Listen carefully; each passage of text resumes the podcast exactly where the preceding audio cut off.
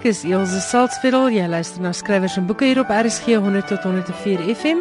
As jy die kenwysie gehoor het, beteken dit dis net na 8 op 'n Woensdag aand. In finansie program. Ek gesels met Dion Meyer se uitgewer oor hoekom daar nie Desember 'n nuwe Dion Meyer op die rakke was nie. Sy uitgewer is Etienne Bloemhof en Etienne vertel ook sommer vir ons wat ons alles kan verwag op die Afrikaanse boekefront van die kant van NB Uitgewers. Dan gesels ek ook met Jaco Jacobs, bekroonde kinder- en jeugboekskrywer en Jaco deel sy wenke oor die moets en moenies van kinder- en jeugboeke. Johan Meiberg is later in die ateljee met nuus uit die internasionale letterkundige wêreld. Ek hoop jy geniet vanaand se program. Ons SMS lyn se nommer is 3343 en elke SMS kos R1.50. As jy 'n e-pos wil stuur, stuur dit na skrywers en boeke by rsg.co.za. 'n Nuwe jaar beteken natuurlik ook nuwe boeke. Ek het met Etienne Bloemhof, die hoof van fiksie by NB Uitgewers gesels om te hoor wat ons in die volgende paar maande uit hulle stal kan verwag. Begin so lank spaar want daar is wonderlike boeke op pad. Etienne, ek wil sommer wegval met 'n vraag oor Dion Meyer. Jy is al 'n paar jaar sy uitgewer as ek dit nie mis het nie. Dis reg. Om die waarheid te sê, ek dink dit is vir jaar was 20 20 jaar huweliksherdenking. Ehm um, ons het En dit was 'n baie het, baie talentvolle huwelik tot dusver, wil ek maar net sê, baie goeie vrugte opgelewer. Inderdaad, ons het begin met met Phoenix destyds, begin saamwerk in 95, ek dink hy het in 96 verskyn. En ja, 20 jaar later, wat kan ek sê? Maar nou het ek oor die Kersseisoen verskeie navrae gehad van luisteraars en ywerige Dion Meyer aanhangers wat gesê het hoekom is daar nie 'n Dion Meyer beskikbaar gewees vir Kersgeskenke nie. Eerstens wil ek sê daar is al reeds 'n Dion Meyer en dit is uh, dit is natuurlik die heruitgawe van Infanta waar ons baie baie gelukkig mee is. Ehm um, hy het nou hierso einde Desember verskyn. Hy's nou vas op die rakke. En wat baie lekker is is uh die wat dit wat dit ken sal weet dis een van die ons heel beste boeke. En hy gesels eintlik vreeslik lekker saam met die nuwe Dion Meyer wat gaan gaan verskyn in Maart. En dit is nou Icarus. Uh in Infanta was dit Benny wat so 'n bietjie van die van die waterkar kar afgeval het. Soos Benny maar doen, né? Soos Benny maar doen en hy is by alkoholiste anoniem en in daai boek met hy natuurlik die uh, Artemis wat die uh, die vigilante wat die doodstraf teruggedring het en besig is om misdadigers wat met kinders gelol het uit die pad uit te kry. Dit, dit was regtig een van die ons beste boeke en in die nuwe een is daar nog 'n mate van 'n terugkeer want Benny ongelukkig dis nou in Icarus hy begin weer 'n bietjie met die bottel te te sukkel. Die boek is die ons 11de. Dit gaan oor 'n uh, man genaamd Ernst Rigter. Hy was 'n uh, internet entrepreneur, baas van 'n omstrede webwerf met die naam alibi.co.za. Dis 'n webwerf wat eintlik vrouvernekers aan hulle alibis skaf. En die man het 'n maand voorheen het hy onverklaarbaar en van sensasioneel verdwyn. Dan vind hulle sy liggaam en dit is Beneficial en Von Cupido en die manne wat met uh, ondersoek instel. So Jonas beslis nie ledig gewees nie. Hierdie boek sal lyk like, hy verskyn in Maart. Ons is geweldig opgewonde daaroor. Ek wil net gou vra, hoekom 'n heruitgawe van Infanta? Dit is net hy dit was een van sy van sy gewildste boeke gewees. Ons het ook gevoel vir 'n ruk lank was dit nie Ek weet met verspreiding was daar 'n paar probleme. Dit was nie in die algemene omloop gewees nie en ek beskou die boeke amper as uh, dit amper as broers. So baie lekker inspel tussen Infanta en en Icarus sonder dat hulle weet toegenaamd afhanklik is van mekaar. Maar ek dink tog diegene wat Infanta ken, uh sal dalk nog groter vreugde hê aan aan Icarus as dit moontlik is. Onthou ek nou reg dat Infanta in 2004 bekroon is met die ATKV se Prosa-prys. Onthou ek reg? Dis reg. En dis ook met Duitse en Franse skryfpryse bekroon. So dit is die boek wat uh, Dion geskryf het terwyl hy sy kreatiewe M-kursus by Marlene van die Kerk gedoen het. Uh, en ek weet ook dis 'n boek wat hom besonder na aan die hart lê. Nou, behalwe vir Dion Meyer, waarna kan lesers nog uitsien uit julle staal?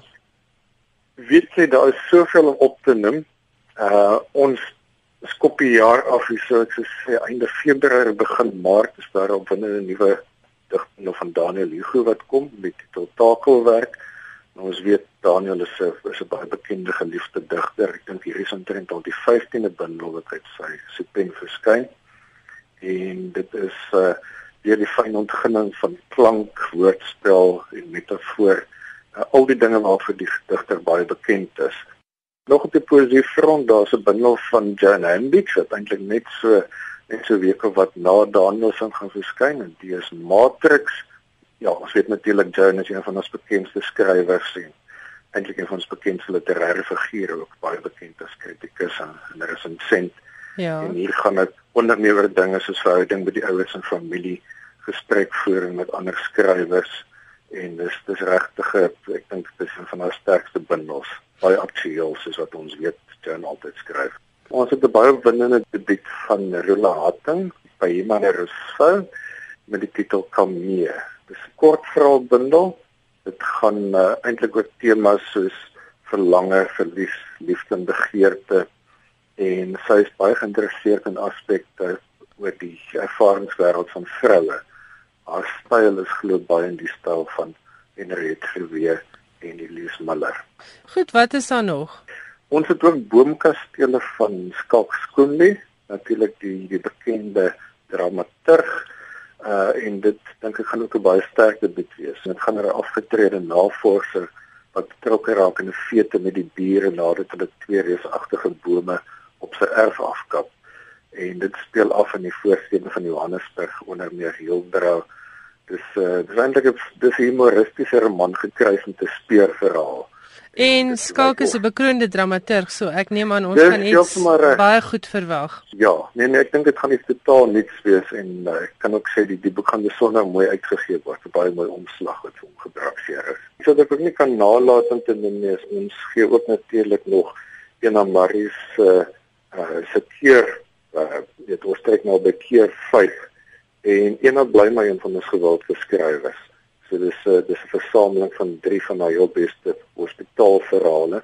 Ehm um, en ja, ons kan nie voorbly nie. Dit eenaars maar nog net steeds net so gewild soos wat sy soos wat sy altyd was. En dis 'n loopbaan um, wat al oor 'n paar dekades strek, né? Dit strek al hierso waarskynlik van die van die vroeë 60er jare. Joos ek het gedink ek kan miskien ook vir jou noem van 'n paar stomende titels wat by ons gaan verskyn. En uh, een van hulle word beskou as die uh, kom ons sê amper die boere weergawe van 50 Shades of Grey. Kom ons sê maar April is dan ons 50 Shades maand want dit is wanneer Jan van Staden se boerkrye vrou kan verskyn. Ja, ja. natuurlik in speel mens kan nie van wegkom op die televisieprogram. En hier gaan dit oor 'n boer op 'n uh, Bosveld plaas en ons verstaan uh, daai bosveld plaas ken die snak van 'n ekstatiese vrou. en maar hierdie hierdie boer hy wag dan vir die filmspan om op te daag en blykbaar met iets soos 10 meisies wat hom gaan help om agter te kom wat dit is wat hy eintlik wil hê in die lewe. En ons word beloof daar was nog nooit in Afrikaans so warm gevry soos hier nie en dit was nog nooit so lekker op papier gevry met hierdie boek nie. Goed. So dis een van daai boeke wat 'n mens binne in 'n omslag gaan lees van iets van iets ja, soos ja, 'n toer deur Afrika of so. Kyk, ons boeke word so mooi uitgegee. Ek dink dit is 'n omslag wat maar goed vertoon vertoon kan word. Maar dit is uh, ja, dis 'n skrywer wat al baie aktief was op uh, op Litnet. Uh van die mense het miskien al sy kortverhale daar so raak gewees en ja, dis 'n titel waaroor ons baie opgewonde is. Miskien effens minder hygerig, maar ons het ook 'n baie oulike chiclet vir jaar wat verskyn. Uh, dit is die Jose de Korte wat bekend is natuurlik vir Afrikaanse verwerking van die Kama Sutra. Dit was die, die Afrika van ja. Afrika wat so dra gewees. Ja. Nou hierdie nuwe titel van daar is die jaar toe Emma begin kook het. Uh, en dit gaan oor 'n chef en nadat sy so 'n bietjie van 'n fiasco met 'n hoenderpastei aanvang in die Appington se somerhitte dan verloor sy 'n bietjie kop en sy goeie ou baas raakelings met 'n mes mis. En met haar reputasie en skerwe dan gaan sy na Hermanus om so 'n bietjie uh, weet hier op haar voete te kom en sy gaan werk daar by die Santley restaurant. Chiclet is 'n genre wat ons gerus meer kan ontgin in Afrikaans. Dink jy nie ook so nie? Nee, dit is. En van van Janus se praat natuurlik die die spanning spanningsverhale, weet misdaad fiksies my het net bly verkoop. Ons is ook uh, regtig opgewonde oor die volgende titel van uh Rudy van Rensburg wat gaan verskyn. Aanhangers van hom sal weet die eerste twee slaguister en te kop skoot dit baie goed verkoop. Was uitmuntende boeke. Ek moet Rudy gelukwens met sy navorsing en sy skryfstyl. Mense kan die oud joernalis in hom sien. 'n mens kan, 'n mens kan en ek dink hierdie een gaan die gaan die sterkste wees van die drie. Dis weer ons Cassie Kasselman wat uh wat die speurder is en hierdie keer gaan dit daar's ja, daar's moorde wat baie snel op mekaar volg en hierdie keer is daar ook 'n buurvrou weet wat lyk like of daar so 'n bietjie van 'n romantiese moontlikheid. Ek wonder of sy Cassie se se rooi windbreaker gaan uitgooi. Ek is eintlik al persoonlik lus om vir Cassie aan 'n baadjie te stuur. Ek dink nie gemaklik gebeur en ek dink hy's nou so sin weet dit dis maar deel van sy dis maar deel van sy persona net soos Columbo se Reenias. Reenias ja. Nie maklik van hom weg te neem was nie. Ek wil vir jou ding vra oor misdaadfiksie. Hoekom die groei? Of dink jy dis nou net meer sigbaar omdat daar meer Afrikaanse misdaadskrywers is? Ek dink dis een dis een van die dinge, weet daar daar is miskien hierdie element dat 'n mens reken weet jy lees jy lees so gereeld van misdade wat nie opgelos word nie. Ek dink dit gee mense bevrediging as hulle sien hulle lees iets waar daar inderdaad misdaad opgelos word. Maar dis ook maar wêreldwyd tendens. So Dion wys altyd daarop dat selfs in Skandinawiese lande waar daar eintlik relatief min misdaad is. Mm. Selfs daar is die die genre geweldig geword. So dis ek dink 'n internasionale tendens, maar by ons is dit eerlikwaar net aan die aan die groei. Ek kan ook miskien net noem dat nog steeds op die misdaad front ons gee ook die uh, die derde, dis eintlik die derde reisige man van Deborah Steinmeier gaan ook ons verskyn. En dit Nou die neus in die wenkbrau, né? Dis heeltemal reg. Die ja. een is Mustaf en hierdie keer is die kwessie van kindermolestering wat uh, baie sterk in die kolle gekom en uh, dis dis 'n verhaal wat met deernis humor geskryf is maar met daai tipiese staal van die boere wat ek dink niemand daar kan kan namaak. Ja, dit is 'n uh, dis tong in die kies, maar dit is absoluut dood ernstig ook. Ons het ook 'n baie mooi versameling van Dani Mare, dis 'n onderhoudende versameling rubrieke, essays huildronke. Ehm um, die titel daarvan is Springtwak en Skadebokse. Ons het natuurlik Daniel se bekroonde digter en hy's hy's ook 'n uitstekende joernalis. So ek is op die oomblik besig om dit te, te lees. Die uitgewer Rihanna Barnard het vir my proewe in die hand gestop en dit is 'n geweldig onderhoudende boek. Op drama front, dit is nie iets wat wat elke jaar verskyn nie, maar ons het twee baie goeie publikasies. Een daarvan is uh The Shadow of Hummingbird van Ethel Fugard, natuurlik die legendariese Ethel Fugard wat al 50 50 jaar lank dramaturg is. En uh Shadow of Hummingbird is natuurlik hy's verlede jaar opgevoer as in Kaapstad, Johannesburg en Bloemfontein was dit op die op die planke.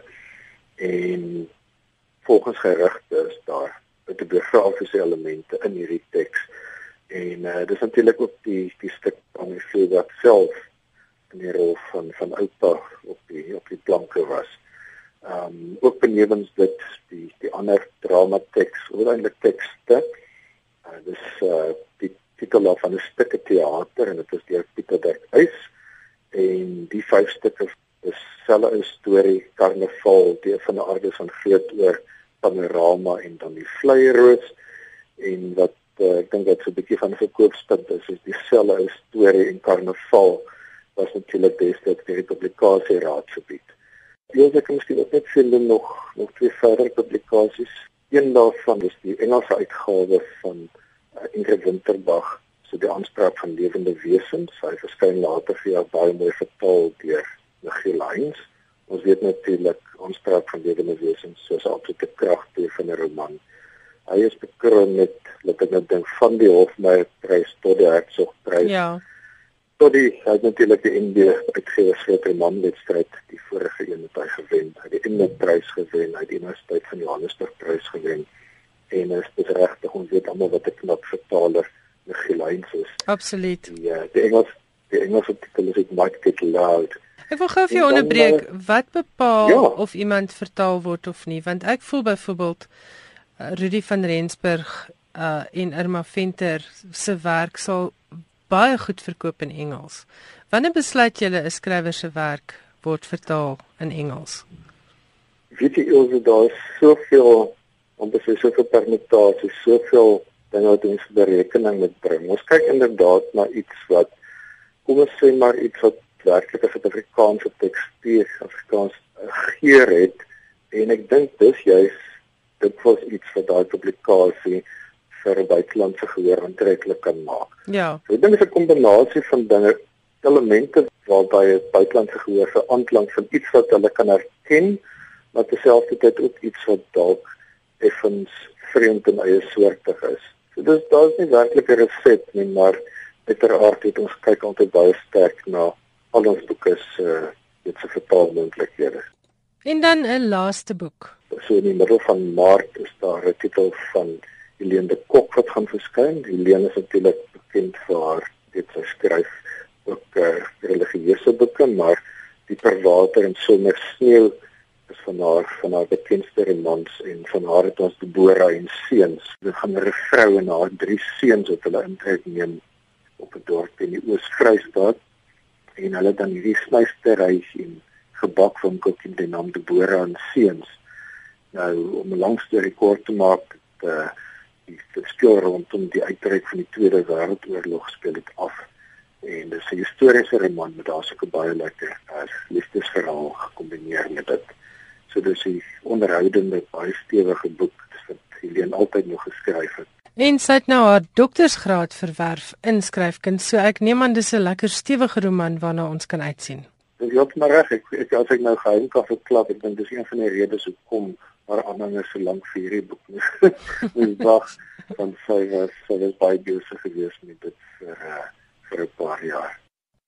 Dit was die stem van Etienne Bloemhof, die hoof van fiksie by NB Uitgewers. Ek gaan binnekort ook met ander uitgewers gesels om te hoor waarna ons alles kan uitsien op die Afrikaanse boekefront in 2015. Nou is dit tyd vir die beloofde gesprek met Jaco Jacobs, die bekroonde kinder- en jeugboekskrywer wat natuurlik nie 'n onbekende is op skrywers en boeke nie. Goeienaand Jaco. Baie dankie Ilse, dit is lekker om weer met jou te gesels. Jaco het al meer as 100 boeke op sy kerfstok en dit sluit vertalings uit. En dis oor 'n tydperk van hoeveel jaar? Ehm uh, my eerste boek het in 2001 verskyn, so dis nou so 14 jaar. 14 jaar 100 boeke. Dit wil gedoen wees, maar kom ons praat oor kinderboek skryf want daar's 'n paar mites rondom dit en jy skryf ook daaroor op jou skryfblog hierdie week. Is dit 'n vinnige manier om geld te maak? Ek dink dis die heel eerste mite wat ek probeer met my blog inskrywing nek om te draai.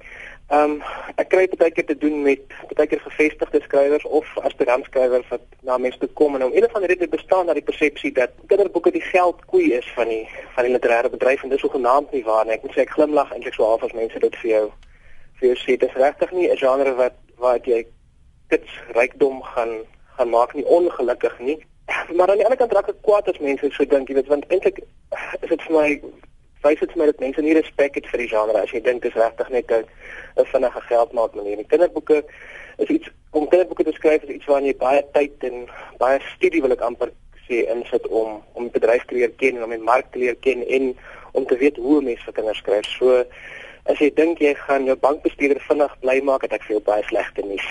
Hoe lank werk jy aan 'n boek? Kom ons praat daaroor want ek dink mense het die idee jy gaan sit vandag en môre het jy 'n boek. Ja, dis nog een van die mites. Mense dink jy kan 'n kinderboek bloot oor nag skryf. Nou, dit was in enkele gevalle het ek dit al reg gekry om byvoorbeeld 'n prenteboek teks te skryf wat met die eerste weergawe van die teks min of meer reg voel en waarna min skaafwerk is. Maar ek het ook al uh, ek onthou byvoorbeeld my eerste prenteboek teks het ek is 'n prenteboek teks het min woorde. Dit is byvoorbeeld 1000 woorde of 1500 woorde. En dan dink mense is iets wat jy vinnig afblits en die volgende dag is dit op die rakke en jy begin geld verdien daarmee, maar dit is nie so nie. Ek onthou my eerste prenteboek teks het ek maande en maande. Ek dink ek het basies 5 of 6 maande aan daardie 1000 woorde geskaaf en herskryf en herskryf en herskryf tot op die punt waar die uitgewer tevrede was daarmee. Ehm um, tienerboeke partykeer neem my 'n jaar of selfs meer as 'n jaar om die teks te kry tot op die punt waar dit gereed is om voorgelê te word. So dis ook nie oor 'n ding wat oornag gebeur nie. Hoe dik is 'n tienerboek nou byvoorbeeld as ons praat van woordtelling?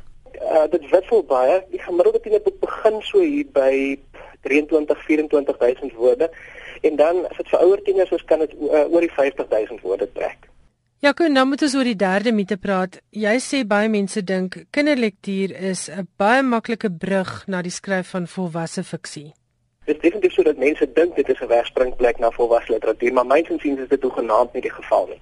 Ek het al letterkundiges gekry wat my gesels het en gesê het jy weet dit is nou lekker dat jy hierdie soort boeke skryf, maar wanneer gaan jy enige regte boek skryf? En baie keer vir verslaggewers dit ook vir so en dit is baie moeilik om by hierdie mense tuis te bring dat as jy dan op volwasse literatuur as regte boeke beskou, ehm um, dan beplan ek nooit om 'n regte boek te skryf. En dit wat ek doen is my passie en ek is regtig ehm um, weet ingegrawe in hierdie in hierdie subgenre en dit is 'n selfstandige genre waarin ek vir die res van my lewe waarskynlik wil skryf. So dis nie dat ek nagte wakker lê en beplan aan die groot Afrikaanse roman wat ek eendag wil skryf nie. Die kinderboekgenre het weet dit sy eie reëls en sy eie literêre tradisie daar rondom en as 'n mens eers daarin begewe, dan is dit nogal verslawend. Wel, ek moet vir jou troos en sê ek was eendag deel van 'n paneelbespreking waar die skrywer uh Sofia Kap ook gevra is deur 'n letterkundige of sy dan nooit 'n regte boek gaan skryf nie.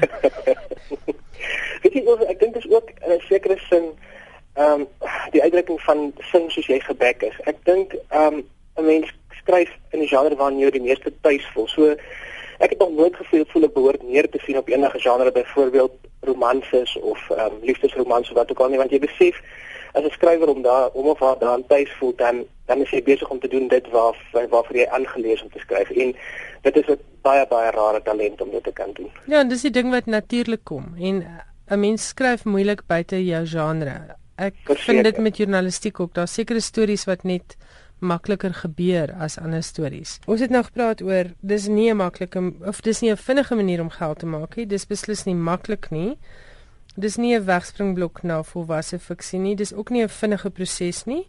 En jy het al geraak aan dis nie 'n minderwaardige genre nie. Maar kan ons praat oor hoe skryf mens vir kinders? Want ek weet hier's baie aspirant skrywers wat luister. Is daai ou reël van uh showing and not telling nog steeds soort van die ding wat jou rig as dit by kinderskryfwerk kom? Ja, ja, dis een van die baie belangrike reëls wat ek altyd vir aspirant skrywers gee. Ehm um, dit is maar daai die tipiese skryfskoolreël wat 'n mens wil gee, maar maar ek moet vir sê die tipiese skryfskoolreëls wat 'n mens sal kry wanneer jy belangstelling skryfwerk is, hulle is meer almal van toepassing op kinder- en jeugboeke ook. Spesifiek wat kinder- en jeugboeke betref, is een van die baie belangrike dinge is om jou mark te ken. Jy weet jy moet jy moet weet wat die verskil is tussen 'n prenteboek en tussen 'n tienerboek. Jy moet weet hoe 'n boek vir beginnerlesers lyk en uh hoe dit verskil van 'n boek vir intermediêre lesers. So ek sal sê een van die baie belangrike dinge is om uit te gaan na 'n boekwinkel toe en 'n bietjie 'n paar dae te spandeer op 'n biblioteek en te kyk hoe hierdie boeke lyk, hoe hulle van mekaar verskil, wat die eienskappe van elkeen is, want dis hoe mense ingrawe daarin. Dit is maar maar hoe jy die die terrein leer ken. En dan 'n tweede baie baie belangrike ding vir my is Ehm um, as jy vir kinders skryf, moet jy uit 'n kind se perspektief skryf. Ek kry ek is ook 'n uitgewer en ek kry vreeslik baie manuskripte van mense wat kinderboeke uit 'n volwasse perspektief skryf en dit is op 'n glad nie waar dit gaan nie. As jy 'n kinderboek skryf, skryf jy vir kinders, deur kinders oor die ervarings van kinders en dit is hoe jy 'n leser dan intrek by hierdie by hierdie verhaal. En hoe leer kinders mens daai mark? Is dit nou maar deur te lees wat ander kinderboekskrywers doen? Praat jy met kinders? Hoe kry jy dit reg? Dit help baie om te lees wat ander kinderboekskrywers doen. Ek sê altyd vir mense, ehm um, as jy nie kinder as jy nie dan belangstel om kinderboeke te lees nie, ehm um, maar jy wil kinderboeke skryf, dan is dit my so goed jy wil aan 'n maraton deelneem, maar jy stel nie eintlik belang in tref nie. Dit maak nie maak nie baie sin nie. So, ehm um, nog 'n dit is 'n baie goeie manier om in te grawe in die genre. En ehm um, nog 'n goeie manier soos jy reg gesê het is om na kinders te luister, 'n bietjie met kinders te gesels, hulle af te luister wanneer jy weet wanneer hulle besig is om te gesels. En verder help dit ook om 'n bietjie met jong mense dinge besig te wees. Jy weet om in tydskrifte rond te blaai en te kyk na die jeugafdeling van die tydskrifte, kyk watter soort musiek hulle in belangstel, watter soort boeke hulle in belangstel, dit ehm um, watter soort rekenaarspelletjies hulle speel. Ehm um, dit help mense om 'n bietjie in kontak te bly met die met die mark, maar 'n groot deel daarvan moet ek ook sê is 'n soort aanvoeling wat wat jy ongelukkig op geen manier kan kan self aankweek nie. Dis daai basiese ding wat wat 'n mens seker talent noem en wat wat baie moeilik is om met, met enige skryfskool of skryfkursus aan te leer. Kom ons praat oor lesse, want kinderboeke het noodwendig uh ofwel nie noodwendig nie baie kinderboeke het lessies in. Maar dit moet baie fyn verskans word. Die kind moenie weet jy is besig om vir hom 'n les te gee nie. Hoe werk dit? Oh, dis 'n onderwerp waarna ek 'n vreeslike groot beroep uh, broertjie dood het. Ek kan nie vir jou sê hoeveel manuskripte ek elke jaar te lees gekry wat wat eksplisiet daarop ingestel is om vir kinders 'n les oor te dra. Nou jy weet, dis 'n groot mens wat op 'n preekstoel klim en dan in plaas van 'n preek lewer hy vir jou 'n kwaliteit bedekte dit is 'n storie maar met so preek sousie daaroor en dit werk nie vir kinders nie. In die eerste plek lees 'n kind 'n boek om vermaak te word. So ek sê altyd vir mense probeer asseblief so ver as moontlik wanneer jy 'n pen opneem en jy begin 'n kinderboek skryf, vergeet van die feit dat jy 'n groot mens is. Vergeet dit vir die feit dat groot mense geneig is om vir kinders te preek en probeer net 'n storie vertel. Probeer die storie so goed en so vermaaklik as moontlik vertel en dan op die ou en wanneer jy dit klaar gedoen het en jy gaan lees by 'n manuskrip en as jy eerlik geskryf het en die storie het eerlik aan die ander kant uitgekom, dan gaan jy verbaas wees want dan gaan jy sien daar kom allerlei dinge in die storie uit. Um ek gou nie eens daarvan om dit lesse te noem nie, maar dit is op die einde wat gebeur. As jy 'n goeie storie lees, sê ek altyd vir mense kom jy anders aan die ander kant uit. Iets in jou verander en dit is noem dit dan nou 'n les as jy wil, maar dit moet baie baie baie um ongesiens gebeur. Anders bou jy leser weerstand daarteen op en net soos wat hulle sprekerige onderwyser in die klas gaan ignoreer, gaan hulle daai boek ignoreer en hulle gaan hom toemaak en hulle gaan vergeet van daai storie. Ek wil 'n laaste vraag vir jou vra. In die boek Die Afrikaanse Skryfgids het jy ook 'n hoofstuk bygedra oor kinderboeke. Daar sê jy pas op vir pratende diere of voorwerpe. Nou is dit nie maar wat mense dink kinders sal interesseer nie. dit is ongelukkig ehm um, veral in die ouer kinderboeke wat weet 20, 30 jaar verskyn het is dit so half nog die basiese ding waar jy geskryf het. As jy vir kinders 'n storie skryf, dan skryf jy maar oor diere wat praat of ehm um, ons het selfs boeke gehad waarin vir lewelose voorwerpe dan nou dan nou lewend word. En gelukkig deur die jare het, het mense besef kinders vind baie keer moeilik aanklank by hierdie soort stories. Ek sê altyd vir mense, sal jy as volwasse leser na 'n boekwinkel toe gaan en 'n boek optel en dit koop wat gaan oor 'n pratende sokkie en daai ding gaan lees. maar om een of ander rede dink mense as as jy 12 of 13 jaar oud is of 7 of 8 jaar oud is, dan sal jy noodwendig aan daai soort van ding belangstel. En dit sê die baie kinders het 'n vreeslike renons in hierdie soort van van storie uh bloot omdat dit baie keer swakker of dit wel swakker stories tot gevolg. Nou diereverhale ehm um, het in die weet daar's klassieke diereverhale, daar's fantastiese diereverhale maar hierdie goed is moeilik om te skryf. In die eerste plek is dit moeilik om iets oorspronklik te skryf want soos ek jou sê oor die jare het daar al baie goed in hierdie subgenre verskyn. En tweedens is dit baie moeilik om oortuigend, jy weet om karakters te te skep waarby kinders aanklank kan vind, want jy is besig om oor kinders te skryf. En so jy moet hierdie diere karakters dan so skryf dat kinders daarbey aanklank kan vind. En ek sê altyd vir mense, veral wanneer jy begin skryf, is dit baie keer makliker om dan eers hierdie soort stories te vermy. Daar's daar's boeke soos Fanny Verleen se Slijmreeks en ehm um, hy het 'n boek geskryf met die naam Klou en Leon de Villiers se uh, uh, Marula boom stories. Satire stories is en wat fantasties werk maar jy moet regtig regtig weet wat jy doen wanneer jy diere verhaal aanpak. Met ander woorde, dit dit gaan terug na iets waarna jy tuis voel en iets wat jy met oortuiging kan oorvertel. Beslis ja. Goed, Jakob baie dankie. Waar werk jy op die oomblik? Waar waarna kan jou jong lesers uitsien? Ek ek is besonder besig om te werk aan 'n uh, boek met tongknopers wat hier later in die jaar gaan verskyn. Dis 'n hele boek vol rympies wat jou tong op verskillende plekke gaan knoop as jy dit probeer opsê. So ek is in die proses om dit af te rond. En dan werk ek ook aan nuwe boeke in van die reekse waarmee uh, wat ek skryf soos die Zakkie Mostert reeks en die Stalmaats reeks en so aan so hier vroeg in die jaar is ek druk aan die werk. Ag. Nou maar toe voorspoed vir die jaar en ek hoop daar's nog 'n hele paar toekenninge en dinge hierdie jaar. En dankie vir wat jy vir Afrikaanse kinderboeke doen. Baie dankie Josef, dit was lekker om met jou te praat. Dit was dan die stem van Jaco Jacobs. Nou ek het vinnig gaan kyk. Jaco is al 19 keer deur die ATKV bekroon met 'n kinderboektoekenning. Dit beteken hy is al 19 keer deur kinderlesers gekies as hulle gunsteling skrywer en hoe daardie toekenning werk. Die ATKV vra kinders landwyd om hulle gunsteling boeke te nomineer en op 'n kortlys te plaas en hulle gunsteling skrywer dan daaruit aan te wys. So raad waarna 'n mens gerus maar kan luister. Terwyl ons met aspirant skrywers praat, daar is 'n baie goeie boek wat jy kan aanskaf, die Afrikaanse skryfgids. Rihanna Skeepers en Letty Klein het hom saamgestel en dit word uitgegee deur Penguin. En alles wat jy wil weet oor min of meer elke genre in die Afrikaanse skryfkuns word in die boek behandel. Ek kan ongelukkig nie help om jou boek gepubliseer te kry nie. Daarvoor moet jy direk met die uitgewer skakel. Alle groot uitgewers se kontakbesonderhede is op die internet en dis die beste om direk met hulle te praat. As jy jou eie boek wil voorlê aan skrywers en boeke, vra ek dat jy ook asseblief deur julle uitgewers sal werk. Ek het ongelukkig nie die tyd of die kapasiteit op die program om na elke boek wat in Afrikaans gepubliseer word te kyk nie. En nog 'n stukkie skryfraad pas op vir uitgewers wat vir jou groot bedrae geld vra om jou boek te publiseer. Dit werk gewoonlik andersom. 'n Uitgewer wat werklik belangstel in jou storie, sal belê daarin. Nou is dit tyd vir ons gereelde weeklikse insetsel met Johan Meiburg.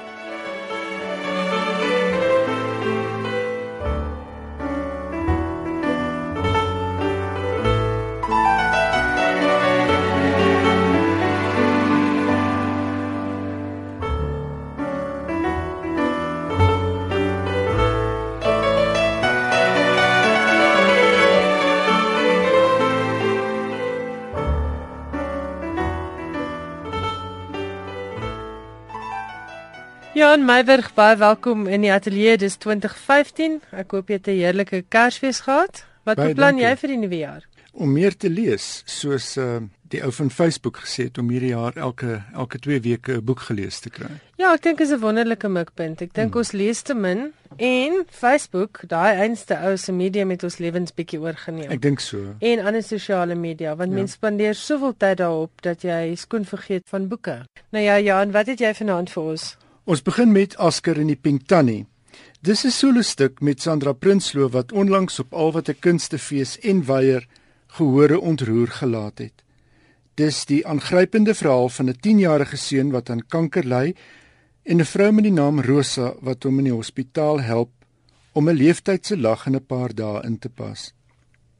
Die stuk is uit Frans vertaal deur die Bloemfontein se frankofiel Naomi Morgan. Einde verlede jaar het Morgan nog 'n stuk deur dieselfde skrywer Erik Emmanuel Schmidt in Afrikaans vertaal, Monsieur Ibrahim en die blomme van die Koran. As 'n mens die vroegmatigheid van die stuk in aanmerking neem, is dit net 'n kwessie van tyd voor Monsieur Ibrahim in een of ander gedagte sy weg gaan vind na feesverhoë.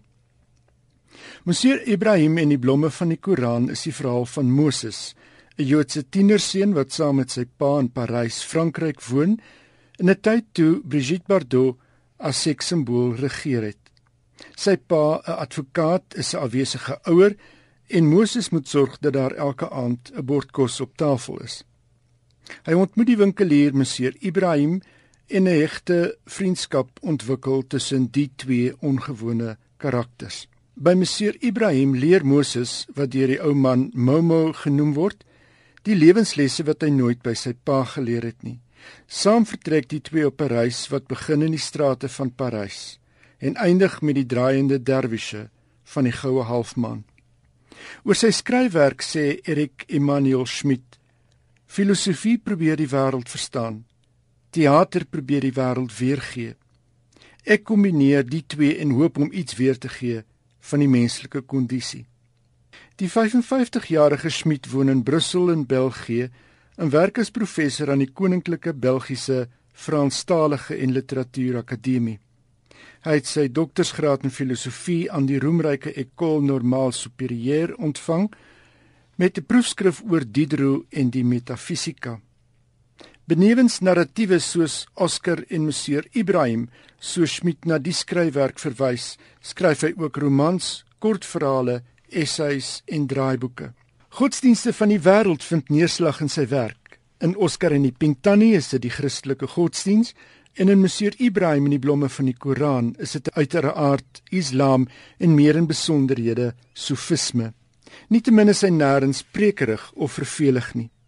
Nou Naomi Morgan, hoof van die departement Frans aan die Universiteit van Vrystaat en die vertaler van die twee boeke, ontvang op 26 Januarie eerbetoon van die Franse regering wanneer die land se orde van die kunste en letterkunde aan haar toegekend word. Madame Elisabeth Barbier, die Franse ambassadeur, ken aan haar die ridderskap in die orde toe. Die orde word sedert 1957 toegekend aan kunstenaars wat in Frankryk en die res van die wêreld 'n beduidende bydrae gemaak het. Dis nogal ironiese tydsberekening, né? Nou na verlede week se terreuraanvalle in Parys, jy se boek met hierdie tema. Die tema word so vernuftig hanteer dat dit nie dis nie dis nie oefert nie. Dit gaan meer oor lewenslesse. Dit dis dis dis nie 'n godsdienstroman nie. Mm. Kyk, die kind is Joods en die die ou man met wie hy dan te doen kry is Turks. En dis dis meer oor hoe mens geïnternaliseer oor godsdienst dink ja. as direk dis wat jy dis dis die moeds en die moenies van mm, van godsdienst mm. en dis die wins van die boek. En ek dink ook ons moet altyd onthou dat die fanatisie van 'n godsdienst verteenwoordig nie die godsdienst nie. Ons kan nie die ekstremiste se siening van 'n godsdienst die godsdienst se siening maak nie. Ek dink nie dit is so nie en ek hoop ook nie dit is nee, so nie. Nee, dit mag dit nooit so wees nie. Dan 'n bietjie goeie nuus oor die Costa Pryse se wenners. Jy het gesê jy het vir ons die name. Dis een van Brittanje se voorste en populairste literêre pryse. Voor 2006 was dit bekend as die Whitbread Pryse en die wenners word in 5 kategorieë aangewys: romans, debuutromans, digbundels, kinderboeke en biografieë. Uit die 5 kategorie wenners word dan die Costa boek van die jaar aangewys. Die aankondiging kom teen die einde van Januarie. Terloops dis die enigste literêre prys wat boeke vir kinders op gelyke voet stel met ander kategorieë. Die wenners is dan die romanpryswenner is Ellie Smith vir How to be Both. Die debuutpryswenner is Emma Healy vir Elizabeth is Missing. Die biografieprys Helen MacDonald vir H is for Hawk die poesieprys Jonathan Edwards vir My Family and Other Superheroes en die kinderboekprys Kate Saunders vir Five Children on the Western Front. Met How to be Both het Ali Smith verlede jaar die Goldsmith prys ingepalm en die roman was ook op die kortlys vir die Booker-prys. In 2005 het sy die Whitbread prys verower, maar toe in die kategorie vir debuutskrywers met haar roman The Accidental. How to be both is twee verhale wat vindingryk vervleg word. Die een die van 'n renessans kunstenaar van 1460 en die ander die van 'n kind van die 1960s. Van Emma Healy se debuut Elizabeth is Missing, 'n verhaal met geheueverlies as hoofbestanddeel, het die beoordelaars gesê dis 'n roman wat jou op bladsy 1 gryp en nie laat los nie. My Family and Other Superheroes van die Walliese digter Jonathan Edwards is beskryf as heuglik, skitterend en roerend. Edward se verse gee skalkse blik op die bestaan van die Walliese werkersklas. Helen MacDonald het verlede jaar die Samuel Johnson Prys vir nuwe fiksie met haar H is for Hawk verower. In die memoir beskryf sy hoe die feit dat sy 'n valkenier geword het, haar gehelp het om die dood van haar pa te verwerk. Kate Saunders se Five Children on the Western Front, die boek waarmee sy die prys vir kinderboeke verower het, bou voort op E Nesbit se Five Children and It, geskryf in 1902. Saunders neem die verhaal verder en plaas die vyf karakters vlak voor en tydens die gebeure van die Eerste Wêreldoorlog. Ja, en hoeveel wen die kategorie pryswenners? Kort diskant R90000 en die algehele wenner kry 'n raps meer as R500000. Ons in volgende week praat ek oor die wenner van die TS Eliot Poesieprys. Dit is dan hierdie week aangekondig. Wonderlik, Jan, baie dankie. Ons sien uit na volgende week se gesprek. Dit was Jan Meiburg. Baie dankie dat jy vanaand saamgeluister het na skrywers en boeke. Ek is Elsje Saltzwedel en as jy e-pos wil stuur, is die adres skrywers en boeke by rsg.co.za. Die SMS nommer is 3343 en elke SMS kos R1.50. Vanaand se program is soos altyd op Potgooi beskikbaar en word Sondagnag om 1uur in deurnag herhaal. Nou is dit eers tyd om te groet, maar ek hoop dat jy volgende week sal inskakel want dan gesels ek met die spanningsskrywer Lien Rode Jager oor haar reeks Kali Kreinou boeke. Tot dan Lekker week vir jou en moenie weggaan nie. Ons het vanaand nog heerlike musiek hier op RSG. Totsiens.